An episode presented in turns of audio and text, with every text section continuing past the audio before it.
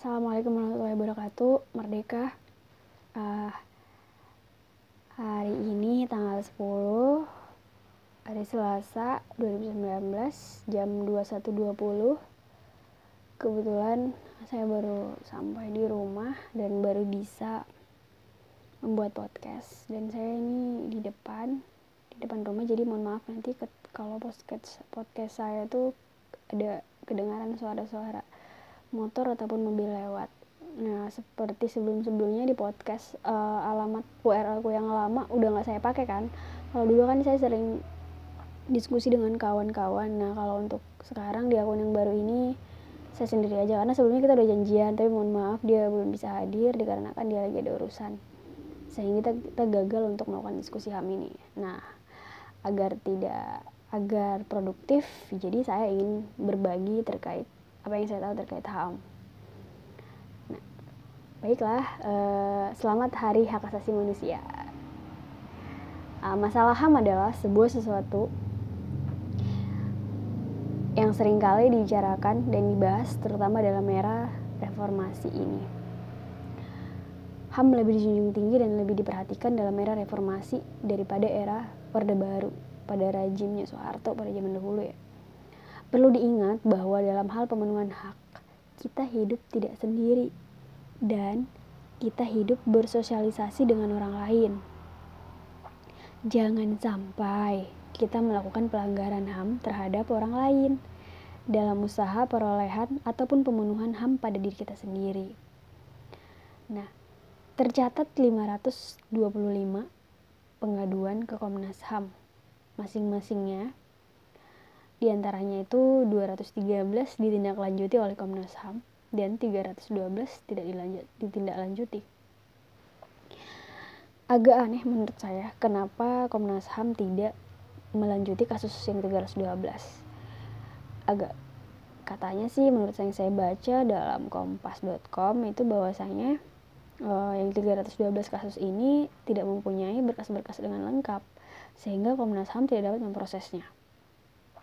Kritikan saya kepada Komnas HAM adalah uh, harapannya Komnas HAM sebagai lembaga independen uh, selain menunggu pengaduan jangan hanya stuck di menunggu pengaduan tapi perlu melakukan yang namanya pencegahan anti anti uh, hak asasi manusia. Maksudnya uh, pencegahan terhadap uh,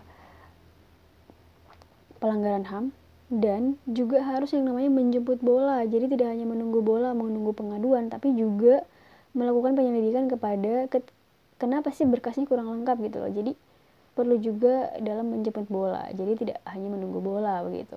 Nah lalu kita lihat pada survei kasus pelanggaran hukum juga kita lihat bahwasanya banyak banget ya uh, yang bernuansa-nuansa politis apalagi di pemerintahan atau di setiap kekuasaan yang ada jadi penguasa yang paling tahu bagaimana uh, dia memegang yang namanya survei-survei kasus pelanggaran HAM. Nah, jadi itu sangat sering terjadi ya di berbagai negara bukan hanya di Indonesia. Melalui catatan kontras, Komisi Orang Hilang dan Korban Tindak Kekerasan, pelanggaran HAM terbanyak di eh, hingga 2018 itu ada di sektor sumber daya alam. Nah, kasus itu uh, yang pertama dan yang kedua yaitu uh, setahu saya ya pembunuhan di luar hukum yaitu sebanyak 182 kasus. Nah di permasalahan sektor sumber daya alam itu banyakannya di bagian yang okupasi lahan, uh, di mana okupasi lahan itu melibatkan perusahaan swasta, Pemda, TNI, Polri, BUMN dan masyarakat sipil. Nah uh, Kawan-kawan tahu nggak sih okupasi lahan? Nah, kita tahu kan bahwasanya okupasi lahan itu adalah penguasaan lahan. Jadi kayak menguasai lahan dulu baru melakukan operasi apa pun itu, baik dia mungkin dari BUMN ataupun uh, kita tahu sendiri bahwa bahwa pemerintah lagi gencar-gencarnya nih uh, membuat pembangunan di berbagai daerah. Nah, sebelum melakukan pembangunan dia kan perlu melakukan namanya okupasi lahan. Nah, ketika melakukan okupasi lahan itu maka akan marak terjadi yang namanya pelanggaran-pelanggaran HAM ter terkait masyarakat setempat uh, belum lagi terkait uh, salah satu guru besar di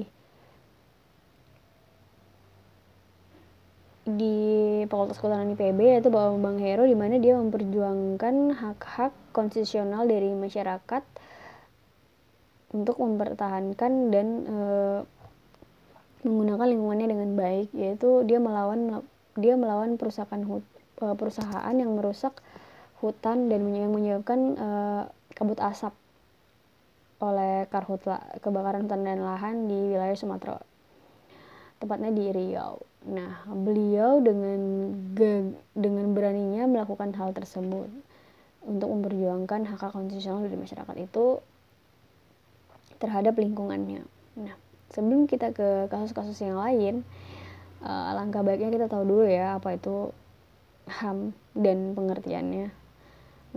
Bahwa apa sih yang dimaksud dengan sebelum kita hak asasi manusia apa sih yang dimaksud dengan hak?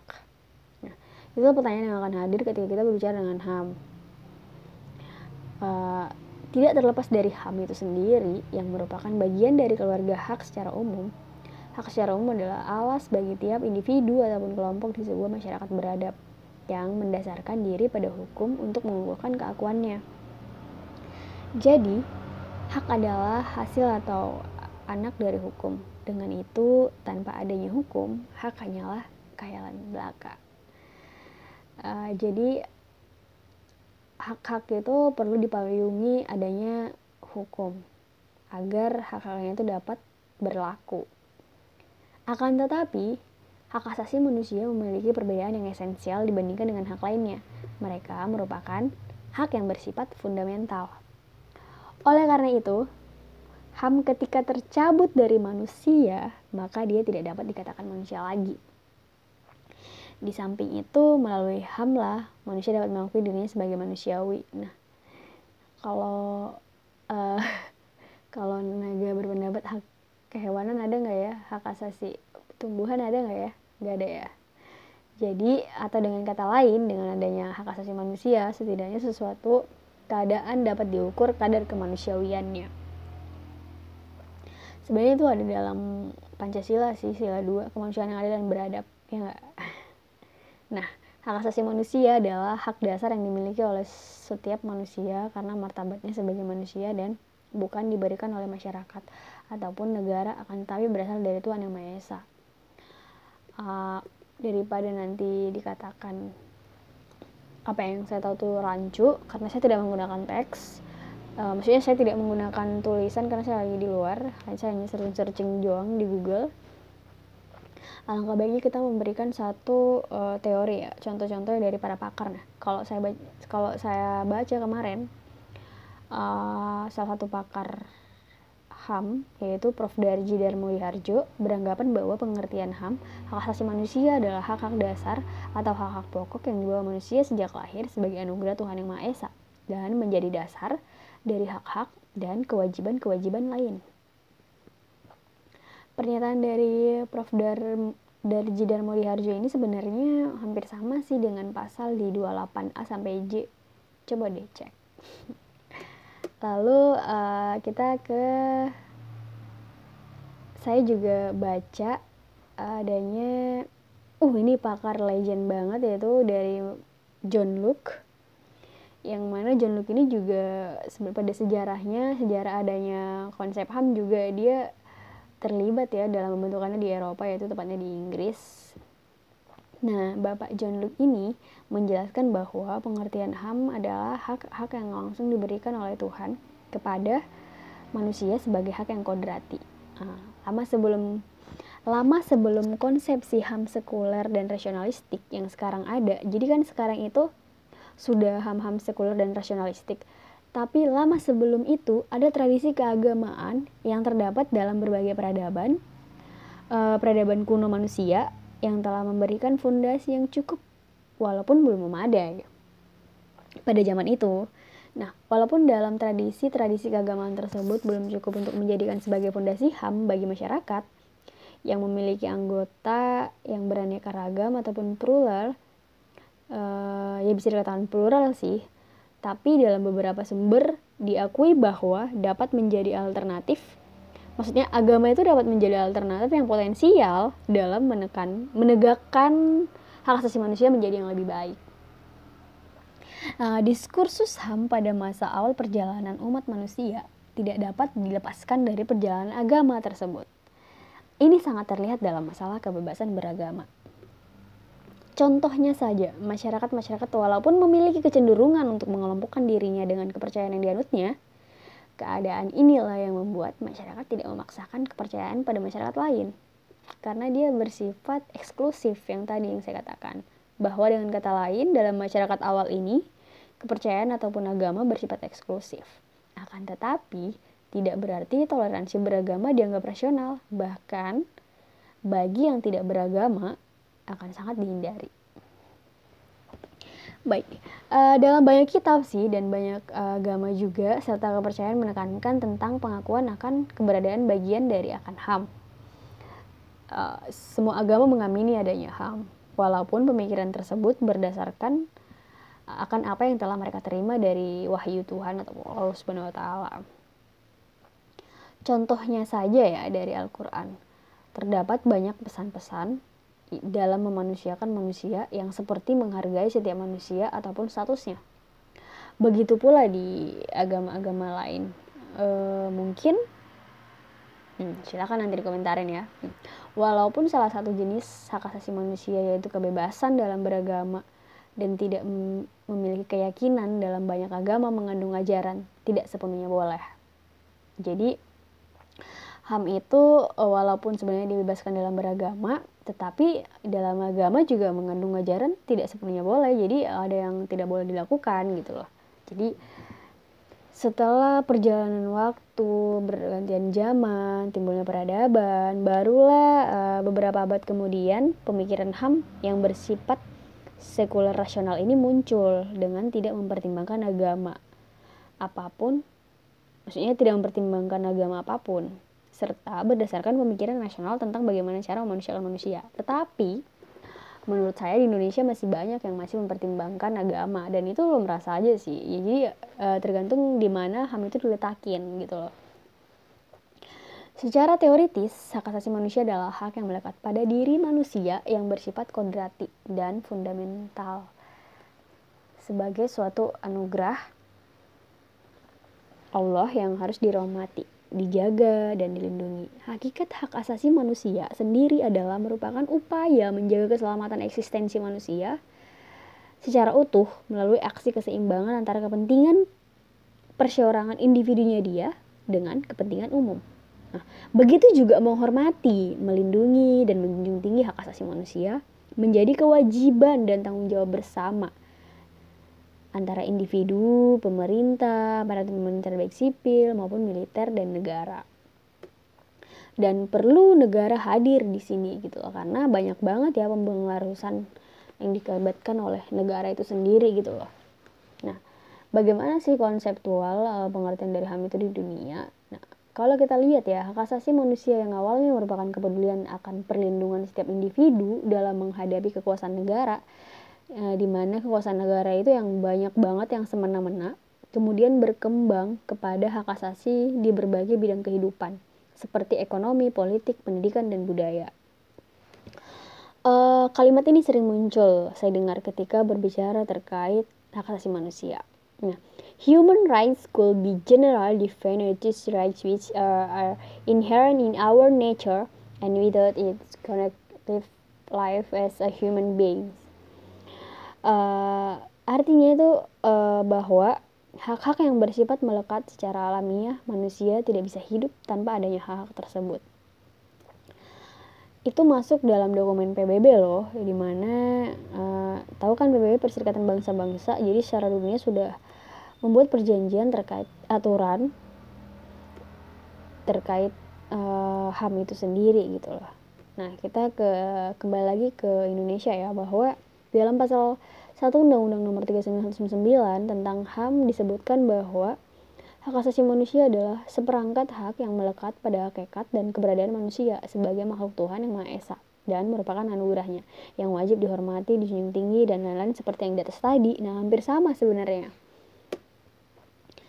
Oh, kita juga harus tahu nih ruang lingkup HAM itu sampai di mana dan apa saja gitu. Jadi ada hak pribadi, hak persamaan hidup, kebebasan, keamaan, uh, hak milik pribadi, kelompok, sosial, seseorang, kebebasan sipil, politik, keikutsertaan pemerintahan, hak berkenaan dalam masalah ekonomi dan sosial. Nah, kalau dalam tataran global itu ada identifikasi PBB, nah, menurut konsep negara barat, ada juga menurut Asia Afrika, ada yang konsep PBB yang terkait Universal Declaration of Human Rights, ada Universal Declaration of Human Rights yang menyatakan bahwa dirinya juga mempunyai hak untuk hidup, kemerdekaan, keamanan dan lain sama seperti yang tadi sih sebenarnya. Uh, lalu ada juga mendapatkan pendidikan, bebas mengutarakan pikiran, pendapat, dan lain-lain, memeluk agama, mendapatkan pekerjaan, berdagang, dan sebanyak. Lalu kita selanjutnya ke penegakan HAM dan kebijakannya di Indonesia ya. Kalau kita ambil uh, telisik kembali sejarahnya bahwasanya penegakan HAM di Indonesia baru terlihat jelas itu ya pada saat ada pembentukan lembaga independen Komisi Nasional Hak Asasi Manusia atau Komnas HAM. Nah, menurut literasi saya ini uh, juga ada dalam Kerpres uh, keputusan Presiden nomor 50 tahun 1993 ya kalau nggak salah. Nah, lalu dilanjutkan juga oleh penegakan HAM secara yuridis formal ini diperkuat dengan keluarannya Undang-Undang Nomor 39 tahun, tahun 1999 tentang pelaksanaan HAM di Indonesia. Tahu nggak ini kenapa dibentuk? Karena berdasarkan ada kejadian fenomenal dan melegenda banget di tahun sebelumnya itu pada tahun 19 ada tragedi di 1997 dan 1998 sehingga perlu yang namanya diperkuat dengan Undang-Undang Nomor 39 tersebut terkait pelaksanaannya serta Undang-Undang Nomor 26 tahun 2000 tentang pengadilan HAM. Lalu ada juga nih ya uh, saya lupa mungkin tap MPR saya lupa nomor berapa yang pasti itu pada tahun 1998 tentang piagam hak asasi manusia yang memuat tentang hak untuk hidup hak untuk berkeluarga melanjutkan keturunan mengembangkan diri hak atas keadilan hak kemerdekaan kebebasan informasi hak kesejahteraan serta hak atas perlindungan kemajuan oleh pemerintah nah itu kan dari uh, bagaimana ketika Komnas uh, HAM itu hadir gitu Nah, bagaimana ketika program penegakan hukum, bagaimana sinkronisasi dengan program-program penegakan hukum di pemerintahan?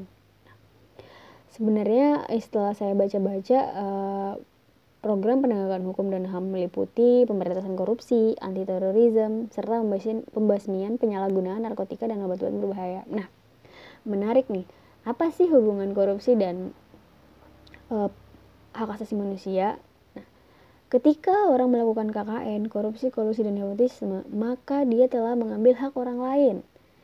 Sehingga ada pelanggaran HAM di sana. Oke, nah untuk uh, terorisme, kenapa tindakan terorisme itu melanggar haknya? Karena dia mengambil hak-hak hidup orang lain. Dia melakukan tindakan-tindakan teroris. Lalu pembasmian penyalahgunaan narkotika dan obat berbahaya. Menurut saya sih ada beberapa hal yang menyangkut paut terkait ini karena terkait cannabis sativa yaitu ganja bahwa di Indonesia kan dilarang tuh ganja. Sebenarnya pemerintah kita telah membuat pelanggaran HAM kepada warganya. Kenapa? Kita menyepakati bahwa ganja ini cannabis sativa itu kan adalah tumbuhan di mana tumbuhan itu adalah anugerah yang maha kuasa yaitu dari yang diciptakan oleh Tuhan. Kita percaya itu tidak ada satupun tumbuhan yang berdosa. Nah, ketika dia uh, manusia ataupun masyarakat melakukan tindakan tersebut untuk mengelola, membudidayakan, membudidayakan ya karena dia tumbuhan. Harusnya pemerintah tidak boleh melarang karena apa? Menurut saya itu adalah haknya karena kan dia adalah tumbuhan, dia bukan suatu hal yang kayak seperti uh, dia bukan buatan karena dia adalah tumbuhan yang secara alami ada gitu loh. Nah, harusnya pemerintah itu bukan melarang, tetapi harusnya membuat aturan. Uh, boleh membudidayakan tumbuhan ini dengan catatan bahwa nah dia membuat peraturan dong. Bukan berarti melarang, karena kalau melarang ya dia melanggar hak-hak saya dong, hak, -hak kita semua dalam melakukan pembudayaan ataupun uh, membudidayakan tumbuhan tersebut gitu loh. Kita berbicara spesies nih karena kita juga berbicara ekologi gitu loh. Dan dia juga tumbuhan dan perlu juga ada satwa yang hidup di sana baik pun serangga dan lain-lain. Oleh sebab itu uh, pemerintah ataupun penegakan hukum harusnya uh, dalam menegakkan hukum HAM harus dilakukan secara tegas, tidak diskriminatif, dan harus juga konsisten. Oke, ada banyak banget sih permasalahan kasus HAM di Indonesia. Kalau kita lihat ya, uh, yang belum selesai itu ada peristiwa Trisakti, di mana kita tahu bahwasanya peristiwa Trisakti itu salah satu pelanggaran HAM di Indonesia yang paling terkenal yaitu dengan meninggalnya empat orang mahasiswa yang tertembak dan puluhannya luka-luka. Peristiwa ini terjadi pada 12 Mei 1998, di mana saat demonstrasi mahasiswa tersebut menuntut Soeharto mundur dari jabatannya. Lalu, tragedi Semanggi 1 dan tragedi Semanggi 2. Semanggi 1 itu pada tahun 1998, November, uh, ada lima orang korban meninggal dan puluhan lainnya luka-luka. Uh, itu aksi protes di sidang istimewa MPR kalau nggak salah. Lalu tragedi Semangga 2 itu di tahun 1998 lima orang juga korban meninggal dan ratusan korban lainnya luka-luka. Uh, demonstrasi masyarakat sipil. Lalu kasus pembunuhan Munir.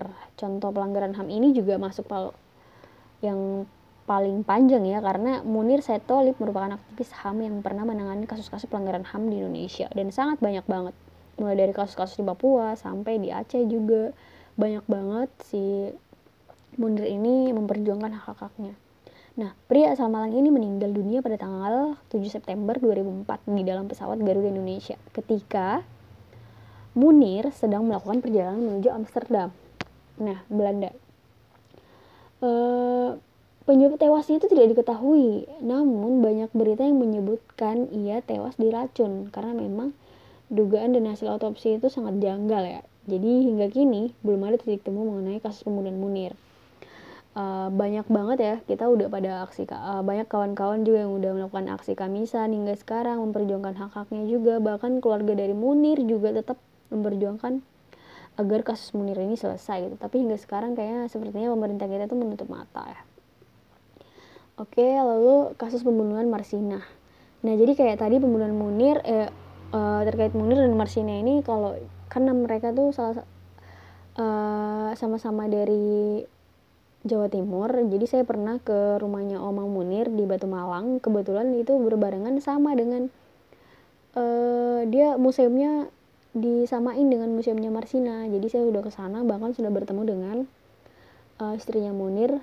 Jadi udah diskusi saat itu saat saya ke uh, Oma Munir. Jadi kasus nah kita Marsina ini adalah seorang pekerja buruh dan aktivis perempuan yang bekerja pada PT Catur Putra Surya Porong. Nah, kalau nggak salah berita meninggalnya itu pada 3 atau 4 Mei ya, 1993. Uh, dan dia itu melakukan aksi mogok yang dilakukan Marsina dan buruh lainnya yang menuntut kepastian pada perusahaan yang telah melakukan PHK tanpa alasan. Selain aksi demo, Marsina menjadi aktivis yang ditemukan tewas lima hari kemudian. Ia tewas di kawasan hutan Gilangan, Nganjuk dalam kondisi mengenaskan. Kasus HAM ini pun belum bisa diselesaikan hingga saat ini dan masih menjadi misteri sampai sekarang. Lalu ada peristiwa Tanjung Priuk, kasus Dukun Santet Banyuwangi, peristiwa Bepura Papua, penculikan aktivis pro demokrasi. Oh ini sangat legend. Banyak banget penculikan aktivis pro demokrasi. Jadi kita lihat ya, kalau kita uh, ke belakang lagi yaitu pelanggaran HAM ini terjadi akibat adanya kasus penculikan aktivis pro demokrasi pada tahun 1997 dan 1998. Sekitar 23 aktivis diculik dan menghilang tanpa penyebab yang diketahui bahkan diketahui sampai ada yang dibunuh loh. Nah, sampai sekarang ada 13 aktivis yang masih tidak diketahui kejelasannya. Banyak orang berpendapat bahwa mereka diculik dan disiksa oleh para anggota militer. Peristiwa ini menjadi contoh kasus pelanggaran HAM pada masa Orde Baru. Bukan hanya masa Orde Baru saja. Uh, kemarin terakhir tuh ya, kita udah melakukan aksi RUU KUHP dan RUU KPK dan banyak banget tersiar kabar bahwa banyak banget loh aktivis-aktivis yang lagi demo, aksi demo jalanan. Banyak yang diculik juga dan bahkan dipulangkan setelah dua minggu. Dan ada juga yang sampai sekarang belum ada kabarnya. Jadi eh, kawan-kawan kalau lagi aksi demonstrasi itu hati-hati saling ingetin saling ngejaga biar nggak ada yang diculik karena banyak banget loh aktivis yang pro demokrasi itu diculik. Kita tahu bahwasanya kita sering direpresif oleh eh, pihak-pihak TNI ataupun kepolisian. Gitu jadi ada juga uh, kasus Bulukumba di mana kenapa saya mengatakan kasus Bulukumba karena kasus Bulukumba ini pada tahun 2003 ada ada perusahaan PT London Sumatera Lonsum yang ingin melakukan perluasan area perkebunan. Namun ditolak oleh warga sekitar Aksi demonstrasi yang dilakukan warga berujung pada dibentrok dengan polisi. Akibatnya, terdapat beberapa korban tewas. Persengketaan lahan antara perusahaan Lonsum dan warga sekitar terkait tanah dan lahan menjadi pemicu pelanggaran HAM ini. Uh, bukan hanya kasus Bulukumba aja sih terkait uh, sengketa lahan, karena banyak banget kayak kita lihat ya contoh di perusahaan-perusahaan kayak mungkin Wilmar, uh, Sinarmas dengan warga-warga uh, lokal di sekitar karena banyak banget ketika memberikan perusahaan lalu dia akan merampas hak-hak dari warga lokal setempat karena akan banyak banget pelanggaran HAM di sana. Lalu ada penganiayaan wartawan juga ya karena kalau kita lihat ya tahun 1996 tepatnya pada tanggal 16 Agustus seorang wartawan bernama Fuad Muhammad Syafruddin atau biasa dipanggil Udin tewas setelah dia di Jakarta seingat saya Nah, di Udin ini dikenal sebagai wartawan yang kritis dan sering mengkritik kebijakan pemerintah Orde Baru. Ia diduga diculik dan dibunuh oleh orang yang tak dikenal. Sangat miris, banyak banget sih wartawan yang kritis ataupun wartawan yang sering menulis hal-hal yang merugikan orang lain tuh sering banget bukan merugikan karena menulis merugikan maksudnya dalam arti merugikan ini adalah uh, orang itu sudah membuat kesalahan lalu ketika kita ingin merugikan dia dia malah banyak banget yang menculik ataupun menganiaya wartawan. Bukan hanya itu juga ya, yang terbaru ya 2019 ini ada Ananda Badudu yang dipanggil kantor polisi. Dia kan seorang an Ananda Badudu itu kan seorang jurnalis juga ya kita tahu bahwasanya dia juga dipanggil kantor polisi. Selain jadi jurnalis uh, wartawan dia juga seorang penyanyi bandanera kalau nggak salah. Ketika dia di dipanggil oleh kantor polisi dia menceritakan e, bahwasanya banyak juga di sana e, aktivis-aktivis pro demokrasi yang di, diintimidasi oleh e, pihak kepolisian. Bahkan wartawan-wartawan yang ditangkap juga seperti itu. Nah banyak banget memang. Kita memang direpresif banget lalu ada tragedi bom Bali ada kasus pemberontakan GAM gerakan Aceh Merdeka kalau nggak salah ya hmm. terus ada uh, kasus pembantaian massal anggota PKI Partai Komunis Indonesia kita tahu pun karena setelah Soekarno lengser dilengserkan oleh rezim Soeharto lalu pemerintah dan pihak militer pun melakukan operasi pembantaian pada sisa-sisa anggota PKI itu pembantaian itu merupakan peristiwa pembunuhan dan penyiksaan terhadap orang yang dituduh sebagai anggota PKI di Indonesia diperkirakan sekitar satu juta lebih anggota PKI meninggal atau menghilang usai operasi militer ini. Bayangkan rejim Soeharto membunuh membabi buta sampai satu juta lebih manusia. Itu adalah pelanggaran HAM yang sangat fatal. Semua fatal sih, tapi itu terlalu membabi buta. Nah, lalu ada konflik uh, Sampit uh, suku Dayak dan Madura. Tahu Sampit itu ada di Kalimantan Tengah. Nah, ras ini sangat banyak banget di Indonesia masih jadi konflik ya. Uh, konflik tragedi Sampit ini terjadi 2001 setelah sebelumnya terjadi konflik serupa di tahun 90-an. Konflik ini adalah perbedaan ras antara penduduk Dayak dan ras Madura merupakan pendatang. Banyak rumor dan isu beredar mengenai pemicu konflik ini yang kemudian menyebabkan banyak korban jiwa yang tewas mengenaskan. Bukan sampai di ini saja terbaru nih ya Kalimantan Timur. Uh, bahkan di Papua itu sendiri juga sering ya terjadi konflik-konflik seperti itu. Di Papua Merauke Papua Barat. Bukan itu Kaltim terbaru 2019 ini baru dua bulan yang lalu bahwa terjadi uh, konflik antar suku yaitu antara Bugis dan Pasir di Penajam. Dan itu sampai menyebabkan luka-luka juga. Lalu ada kasus pembantaian rawa gede. Ada juga penembakan misterius ada pembantaian Santa Cruz yang waktu kasus Timur Timur kalau nggak salah ya. Lalu ada peristiwa kuda tuli ada kasus pembunuhan Salim Kancil. Nah kasus pembunuhan Salim Kancil ini ada pelanggaran HAM terbaru juga sih yang masih hits banget dari 2015 2015 lalu di Lumajang Jawa Timur. Bermula pada aktivitas penambangan pasir pantai Watu Pecak. Secara ilegal seorang aktivis bernama Salim Kancil berusaha untuk menghentikannya. Namun Salim Kancil kemudian diikat oleh gerombolan orang dan kemudian dipukuli dan dibunuh dengan kejam. Terdapat 22 pelaku yang terlibat dalam peristiwa pembunuhan Salim Kancil ini dan sedang diproses oleh kepolisian. Salim Kancil ini merupakan aktivis yang benar-benar ingin mempertahankan lahan dari warga, maksudnya uh, bukan lahan, uh, ya lahan, lahan ya untuk kepentingan umum karena dia itu berada di uh, sungai karena kan penambang pasir. Lalu ada pelanggaran HAM di Timur Timur juga di mana warga Timur Timur ingin uh, merdeka sendiri saat itu, uh, tapi dari pihak militer Indonesia itu melakukan pelanggaran HAM juga di mana uh, diberitakan terjadi pembantaian terhadap ratusan ribu warga Timur Timur pada tahun 1974 sampai 1999 oleh pasukan keamanan militer Indonesia.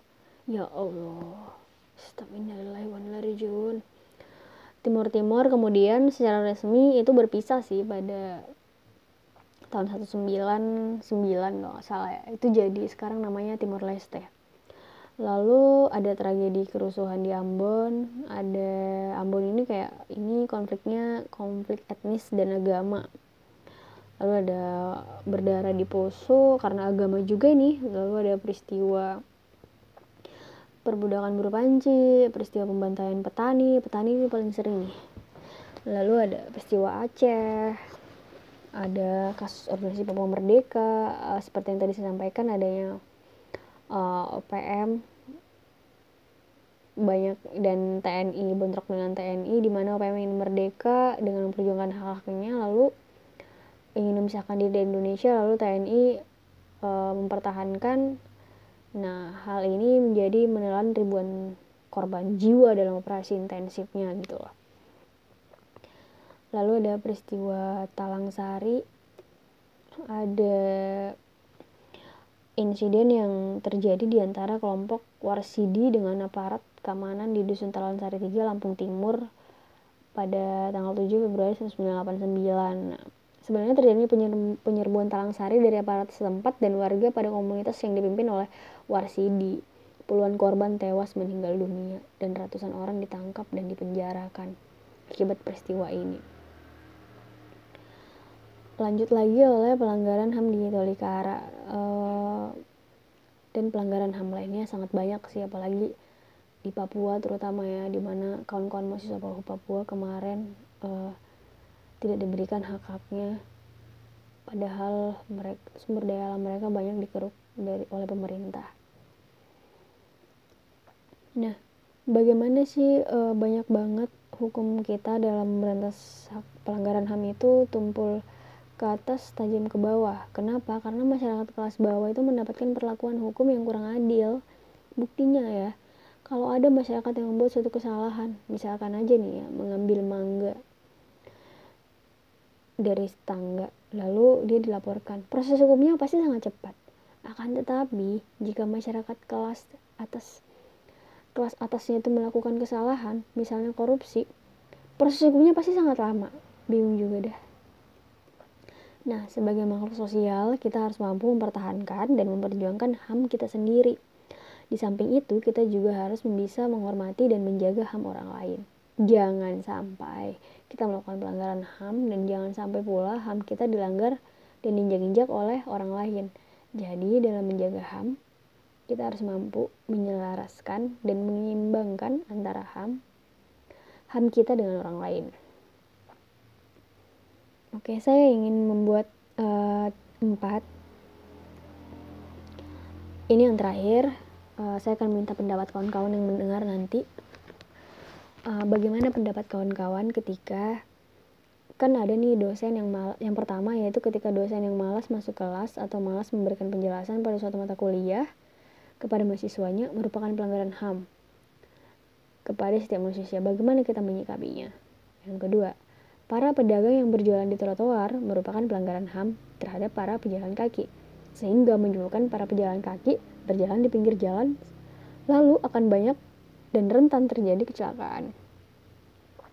Padahal sebenarnya para pedagang ini kan tidak diberikan haknya oleh uh, pemerintah dalam berjualan. Harusnya kan pemerintah hadir memberikan kawasan atau memberikan wadah untuk mereka berjualan atau transaksi jual beli sehingga mereka tidak memakai trotoar dan trotoarnya dipakai oleh pejalan kaki. Nah, ini adalah salah satu permasalahan kompleks dari HAM itu sendiri ketika yang satu pihak mengambil melanggar HAM mengambil hak yang lain lalu yang lain itu mengambil hak orang lain itu akan menjadi kompleksitas dari permasalahan HAM itu sendiri lalu yang ketiga yaitu penggunaan cannabis sativa atau seseorang masyarakat ataupun kelompok orang ataupun individu yang melakukan budidaya cannabis sativa nah e, kalau menurut saya sih itu tidak harusnya tidak boleh e, maksudnya harusnya pemerintah tidak boleh uh, harusnya tidak melanggar, tidak melakukan pelarangan adanya budidaya ganja ataupun cannabis sativa. Karena itu adalah pelanggaran HAM. Karena itu kan tumbuhan, bukan pengelolaannya. Nah, bagaimana pendapat kawan-kawan? Lalu yang keempat adalah masyarakat adat di hutan adat. Nah, kita ketahui bersama adalah bahwasanya memang dalam konsep skema perhutanan sosial ada lima yaitu hutan masyarakat, hutan desa, hutan uh, tanaman rakyat, hutan adat, dan hutan kemitraan, uh, kemitraan, kemitraan kehutanan. Lalu ketika masyarakat adat dimasukkan dalam lima skema ini, saya nggak sepakat karena uh, masyarakat adat itu sudah berbeda dengan hutan negara karena masyarakat adat itu diatur oleh aturan-aturan adat yang berada di kondisi lokal tersebut di daerah itu sehingga itu sangat berbeda dengan konsep skema hutan perhutanan sosial. Nah, ketika sudah ada pengakuan masyarakat adat hak untuk hak ulayat terhadap hak-hak ulayat terhadap uh, hutan tersebut maka dia yang baru ada akan ada yang namanya pengajuan hutan adat kan. Jadi ketika selesai dulu nih masyarakat pengakuan hak masyarakat adatnya lalu baru pengajuan hutan adat. Nah, Bagaimana kawan-kawan uh, berpendapat apakah uh, negara yang apakah perlu uh, hutan adat itu kan harus disendirikan beda dengan konsep perhutanan sosial gitu. Apakah masyarakat adat yang sudah mengambil hak dari negara atau negara yang sudah ngambil haknya masyarakat adat? Nah, kawan-kawan harapannya dapat memberikan pendapatnya. Uh, mohon maaf kalau ada yang katanya salah karena ya namanya ini juga baru ada kesempatan untuk membuatnya terima kasih assalamualaikum warahmatullahi wabarakatuh merdeka